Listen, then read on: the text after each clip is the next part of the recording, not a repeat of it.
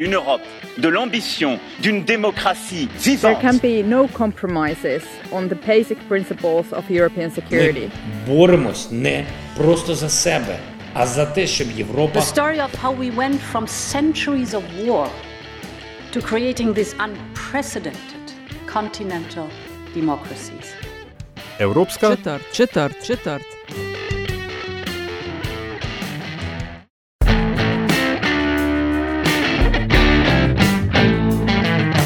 You are listening to a podcast on all things European, a podcast we call European Quarter in, and is part of uh, Metina lista media network based in Slovenia. My name is Natasha Briški and I am one half of the podcast team. and my name is Aljaž Pengov-Bitenc and I comprise the other half of the team. You'll find this podcast at metinalista.si as well as your favorite podcast streaming service and our podcast streaming app. It's the end of August, Aljaž, and at the European Quarter, it's time for Bled Strategic Forum, a leading conference in Central and Southeastern Europe, taking place at Bled, Slovenia, and bringing together presidents, ministers, top notch advisors from all over the world. And for the 18th year in a row, uh, Bled Strategic Forum has been an inclusive platform where a diverse structure of people from the fields of diplomacy, politics, economy, private and public sectors, and academia as well come together to discuss key challenges for the 21st century. And this year, under the banner Solidarity for Global Security. Check their web uh, at bledstrategicforum.org for more. And uh, now, Aljaž, we go to our interview with uh, Nik Gowing, British TV journalist, foreign affairs specialist, and presenter, who has been, among other things, a news anchor at BBC for many years. But I'll let him explain more about his uh, media career. Thank you, Natasha. Very warm welcome, Mr. Gowing. Uh, you are, uh, among other things, also a respected conference facilitator and moderator, co-founder and director of uh, Project Thinking and an Unthink. Sorry, co-founder and director of Project Thinking the Unthinkable. But just to kick things off, um, maybe you could uh, introduce yourselves to our audience as well. Well, hi, Aljaž, and hi, Natasha. Thank you very much indeed for inviting me. Yeah, um, I left my job uh, as a main presenter at the BBC World News nine years ago, and since then, uh, I've been running the project on thinking the unthinkable, and I started it. It happened to coincide my departure from the BBC with what Putin did in eastern Ukraine and seizing Crimea as well in 2014. And it brought back memories of what happened with President Kennedy in the 1962 Cuban Missile Crisis when he had to be told um, uh, that the Soviets were prepared to use nuclear tipped torpedoes against the American fleet, which was blockading Cuba at the time in October 1962. And Mr. President, you've got to think the unthinkable. Now, that was nine years ago, and look where we are now. Uh, I've been involved in all the revolutions and upheavals in Eastern Europe, including in former Yugoslavia, going back to the shipyard strikes in 1980 when Lech Wałęsa uh, rushed um, was uh, came became incredibly prominent in the shipyards of Gdansk, the Stocznia Gdańska.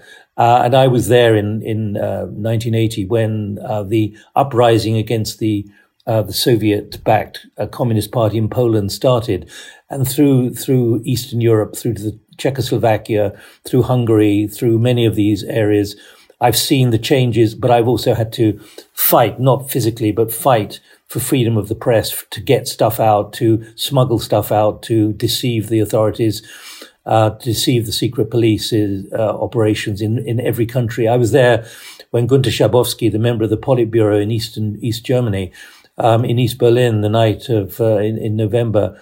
1989 when he suddenly announced and surprised everyone by saying, reading a bit of paper which said that people can leave East Germany um, immediate with immediate effect.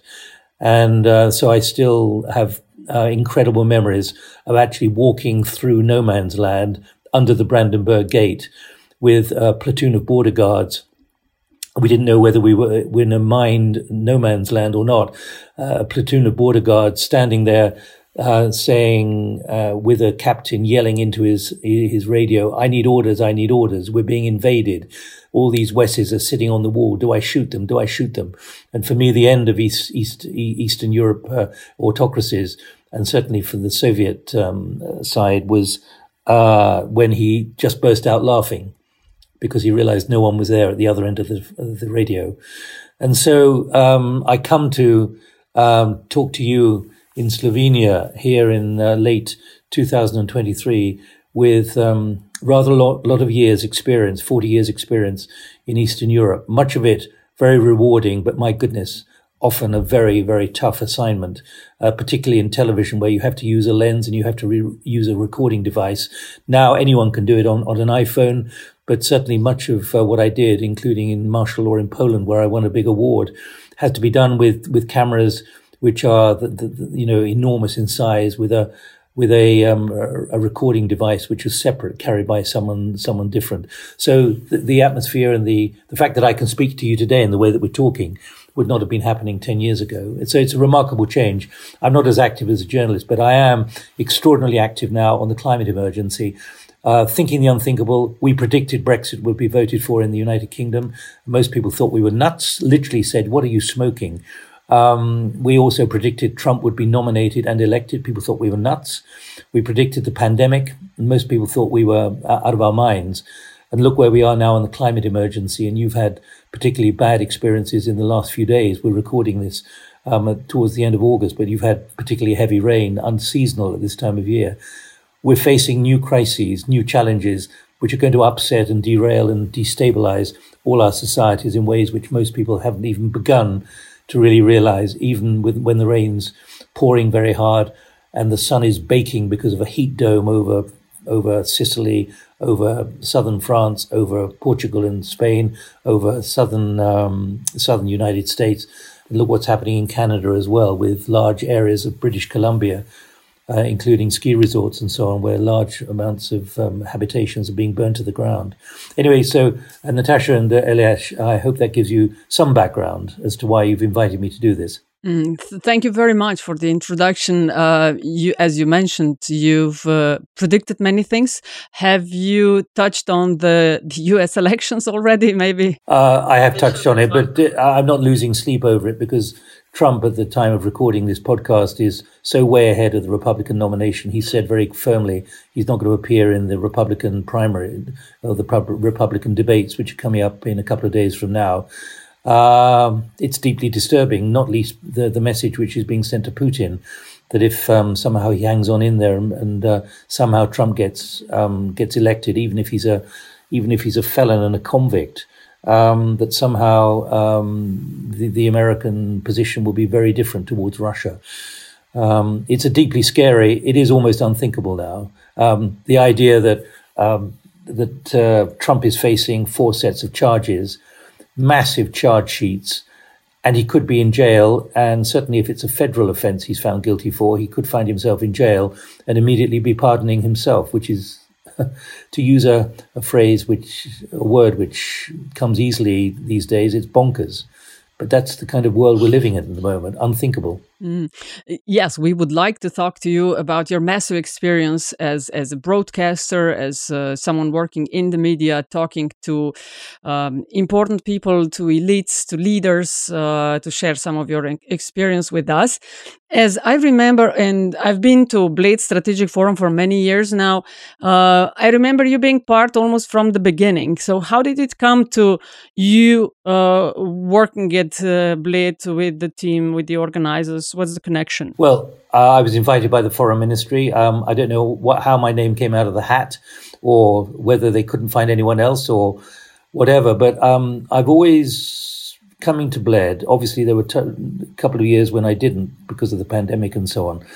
But I've always taken a view that um, Slovenia is a is an independent nation with a very strong national um, spirit of, of challenge. You're now a member of the European Union. You're a member of NATO, and I think back to my time in the early '90s when you know you were a member of uh, the former Yugoslav Republic.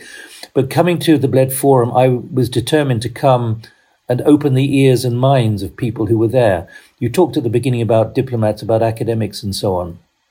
I'll be very frank and say I did feel in the early years, and I can't remember how many years I've been now, that there was a certain um, formulaic, default, um, unimaginative understanding of the way things were going. I particularly remember the year when there was an enormous migration crisis, vast numbers of people coming up the Autoput from um, from the south, from Greece, from Turkey.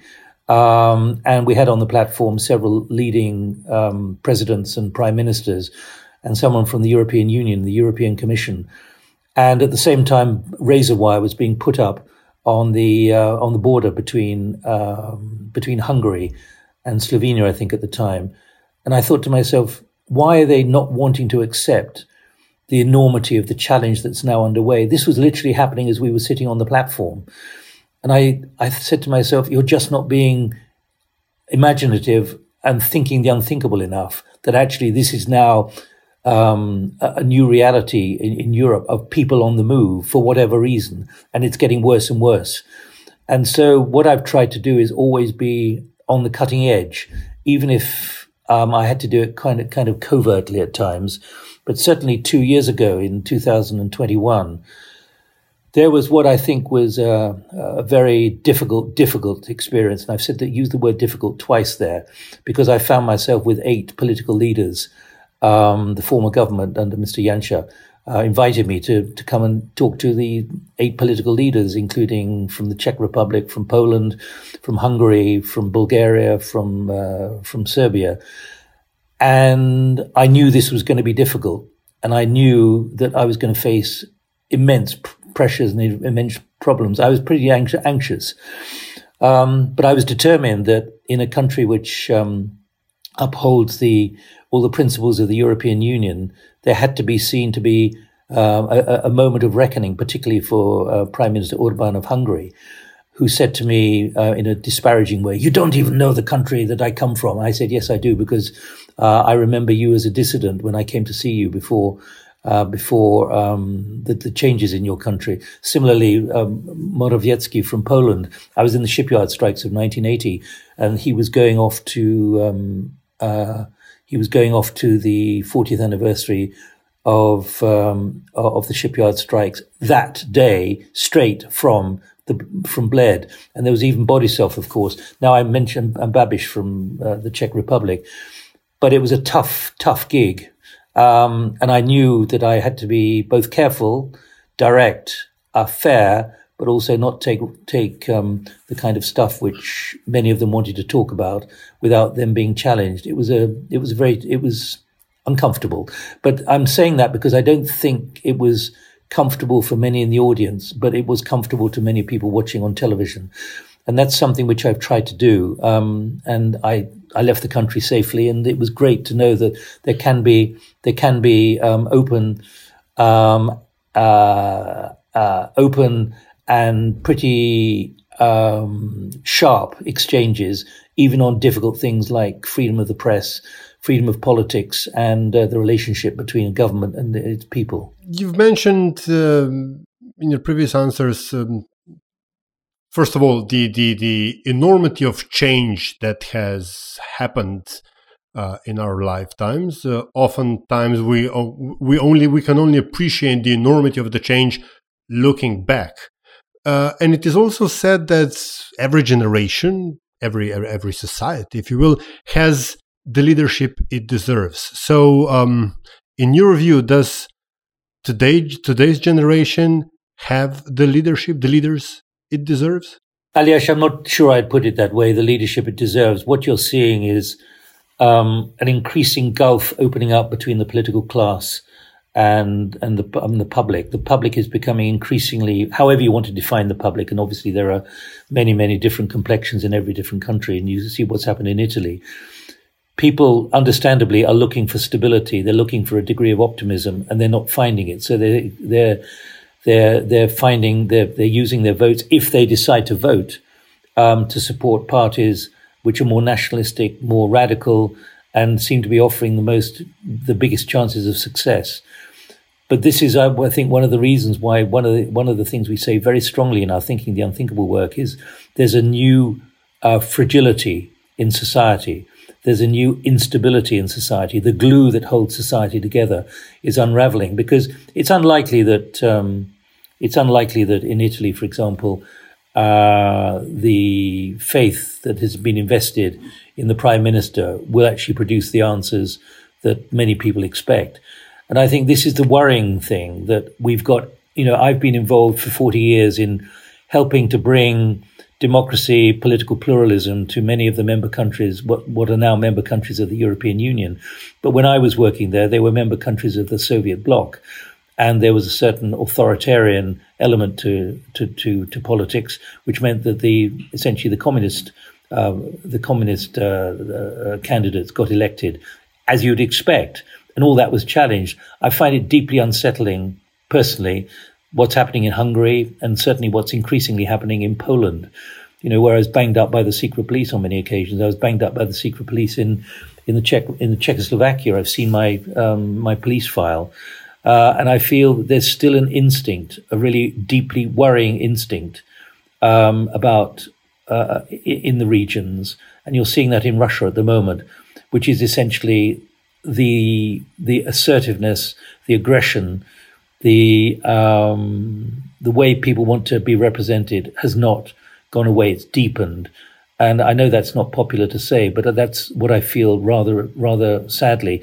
And even in my own country, of the United Kingdom, uh, we've got we've had a succession of um, Conservative Party leaders, and essentially they they are having to appeal to 140,000 members of the party, not not the overarching um, 70 million people in the country. So I'm I'm not optimistic about the way the politics is going and political dialogue is going, and of course people are very good um, at making fake claims, which are difficult to, to, to counter. And I think one of the dreadful contributions that one of the dreadful contributions that Trump has made, and I saw that happen several times in that dreadful event. Well, what what was a dreadful experience or a difficult experience when I was at the Bled Forum a couple of years ago, where anything that any fact which a political leader didn't like was described as fake, even if it was correct. And I think that's a deeply, deeply, deeply damaging and insidious and sinister development because facts that people don't like are described as fake as opposed to the way they should be addressed, which is they should be seen as uh, reality. Mm. Mentioning fake, uh, I would like to hear your thoughts on um, how do you navigate the polluted information space of today? Uh, what do you advise to the public or to the people how to survive in the environment that's uh, fake news, that's disinformation, that's public that seems to be leaning more and more toward populists? Natasha, I think it's a really important question, and I, I view the answer with despair. I think many people are undiscriminating, are unquestioning, and because it appears comfortably on an iPhone or a handset or a laptop screen, uh, and there are so many trolls and others, others, others at work, and we're seeing that even from democratic governments now, the way they're trying to twist, twist facts into what is convenient politically and corporately for them. I think it's a very dangerous development, and I don't view with optimism because I see too many examples of people who are accepting as fact what is clearly inaccurate fact. And therefore, the, dare I put it like this, Natasha, the idealism of your question, I don't think is reflected in the way that people are, seeing it. The most stark example, known to most people, of course, is what's happening with Trump. He's facing all these charges and his popularity is rising. And so what you've got with Fox News in the United States and with several um, television channels across Europe, despite the regulatory uh, pressures, which which mean they can't easily function, is you you are getting um, uh, a a partitioning of the media landscape, uh, particularly with television, into television stations and radio stations, which are giving people what they want and what it's it's felt that they want to hear, even if even if what they're being told is in, inaccurate or twisted truth. So um, that's why uh, I I chose to leave the BBC by choice, and uh, I didn't. No one kicked me out, but that's why I stand by the principles that the BBC stands for because. Uh, we had to fe- we had to check, check, check, check, check facts. And if someone like me was broadcasting into a war zone and people are watching BBC World News and we're giving out facts which are wrong or twisted, or, or not sourced, then we are distorting in a in a very dangerous way. Um, so I'm not optimistic, and the, the, pluralism in the media is fantastic technologically, but um, I think it's making it much more difficult for facts to emerge uh, checked. And the BBC now has a department called um, uh, Reality, BBC Reality. And that's important because what it means is that they can say that we have checked, including much of the stuff that's coming from Ukraine, from satellites, from uh, drones, uh, from human intelligence, from signals intelligence, and from just listening into to radio circuits we can we can check that, or the BBC can check that actually this has really be happened. They can check on uh, on maps. They can check on, on, on images. They can check on locations. They can talk to people who who live in the place where the pictures come from. And the pictures from Rostov on Amdon, um, when was it? Um, uh, in July or at the end of June of um, Wagner's troops appearing on the streets, being cheered by vast numbers of people when they went to the Rostov Southern Military District to try and persuade um, change from the generals there. And then they started driving up the motorway. As someone who's worked in this in, in Russia and the Soviet Union a lot, you know, the fact that you could do that with a camera and upload it very quickly is extraordinary. But what if actually that had happened and no one had bothered to check it and someone was using it um, as many governments are learning to do? They're they're creating fake facts by producing video, and you know what can be done inside a camera now or inside a, a server system. Um, it's remarkable and it's deeply, deeply scary. Um, given all that you've described, um, and uh, given the fact that uh, Europe at least seems to be lurching from crisis to crisis, navigating each, well, with varying degrees of success for what, the past 10 years at least, if not more, are the leaders of today even asking the right questions to, to, to tackle the challenges of the future?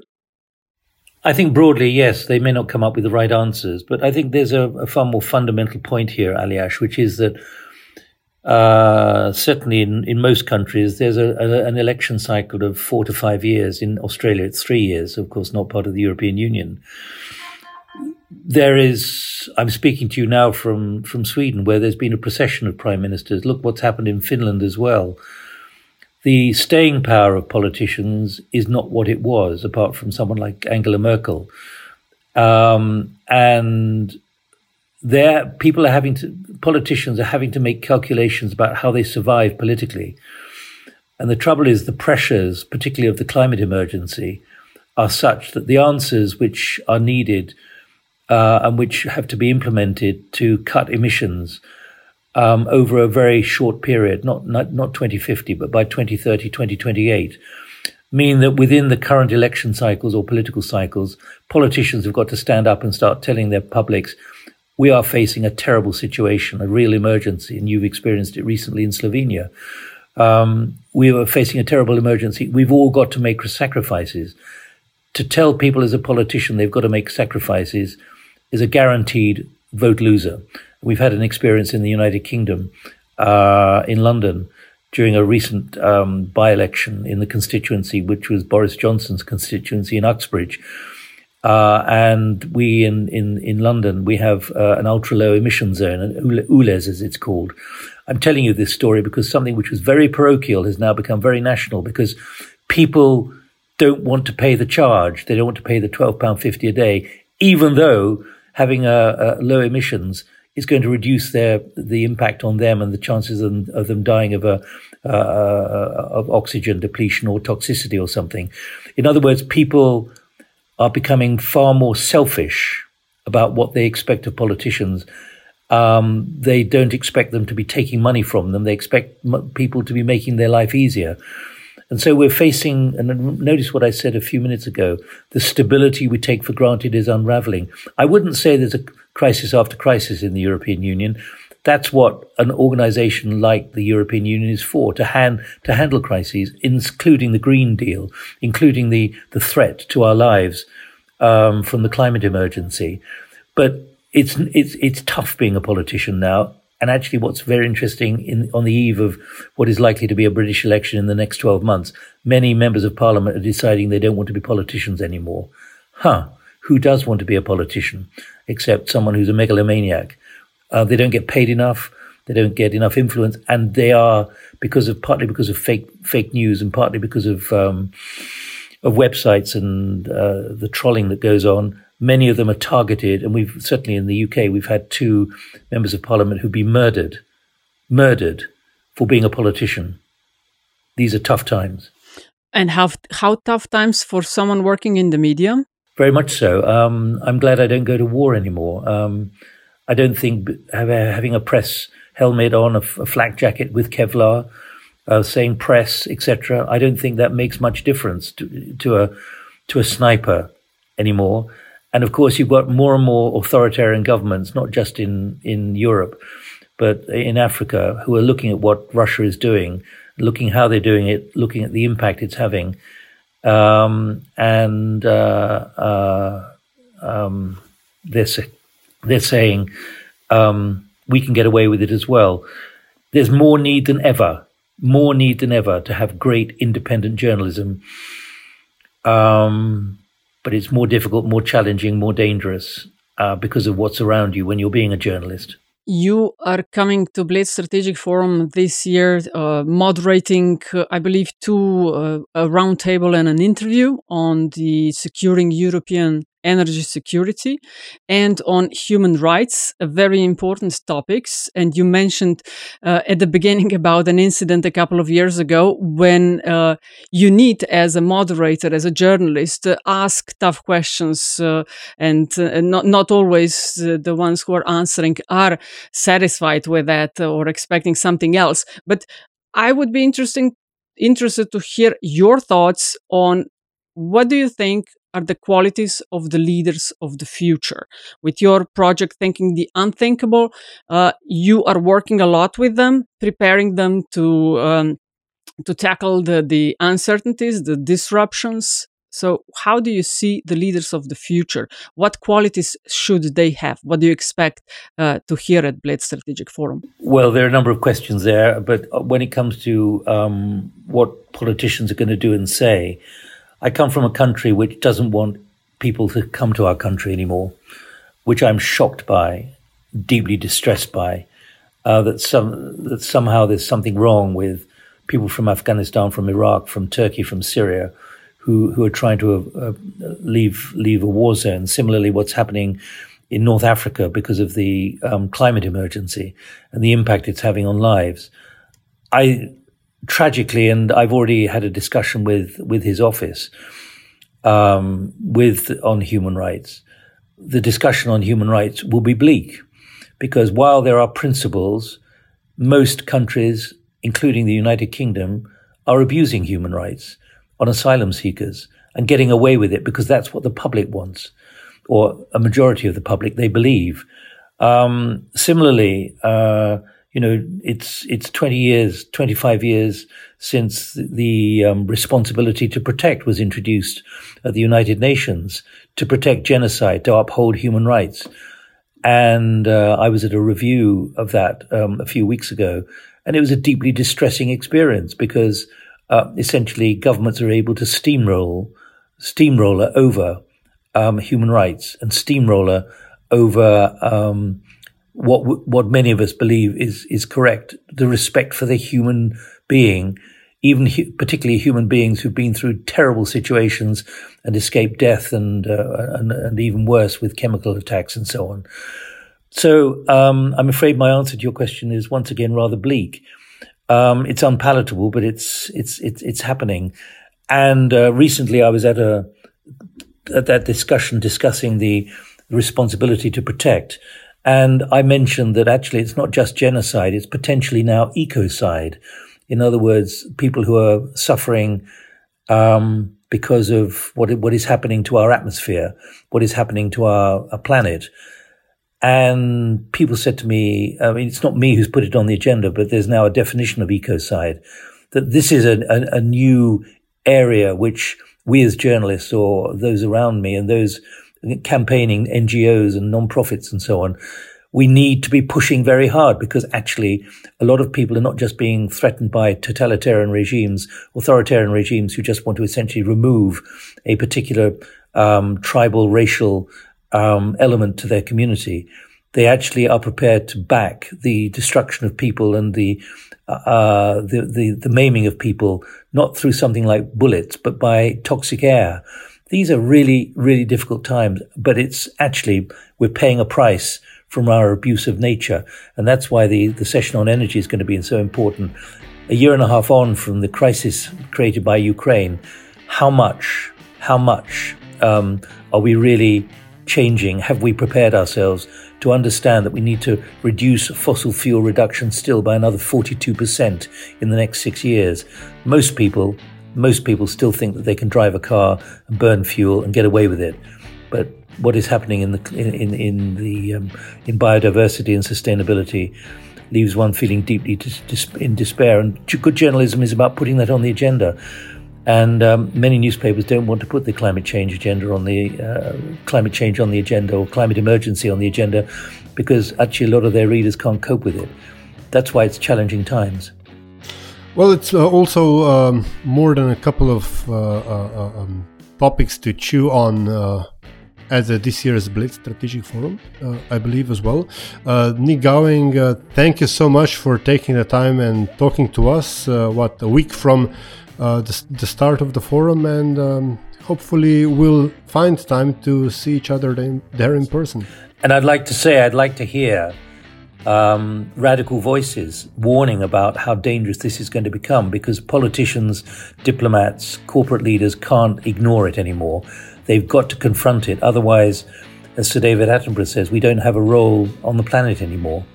And that's not being an eco warrior. That's actually looking at the science and saying the science is even worse than the main scientists are predicting, and it's happening much faster.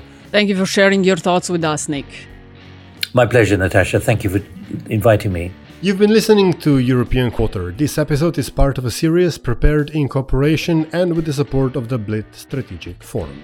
The views, information, or opinions expressed during the podcast series are solely those of the individuals involved and do not necessarily represent those of the Bled Strategic Forum.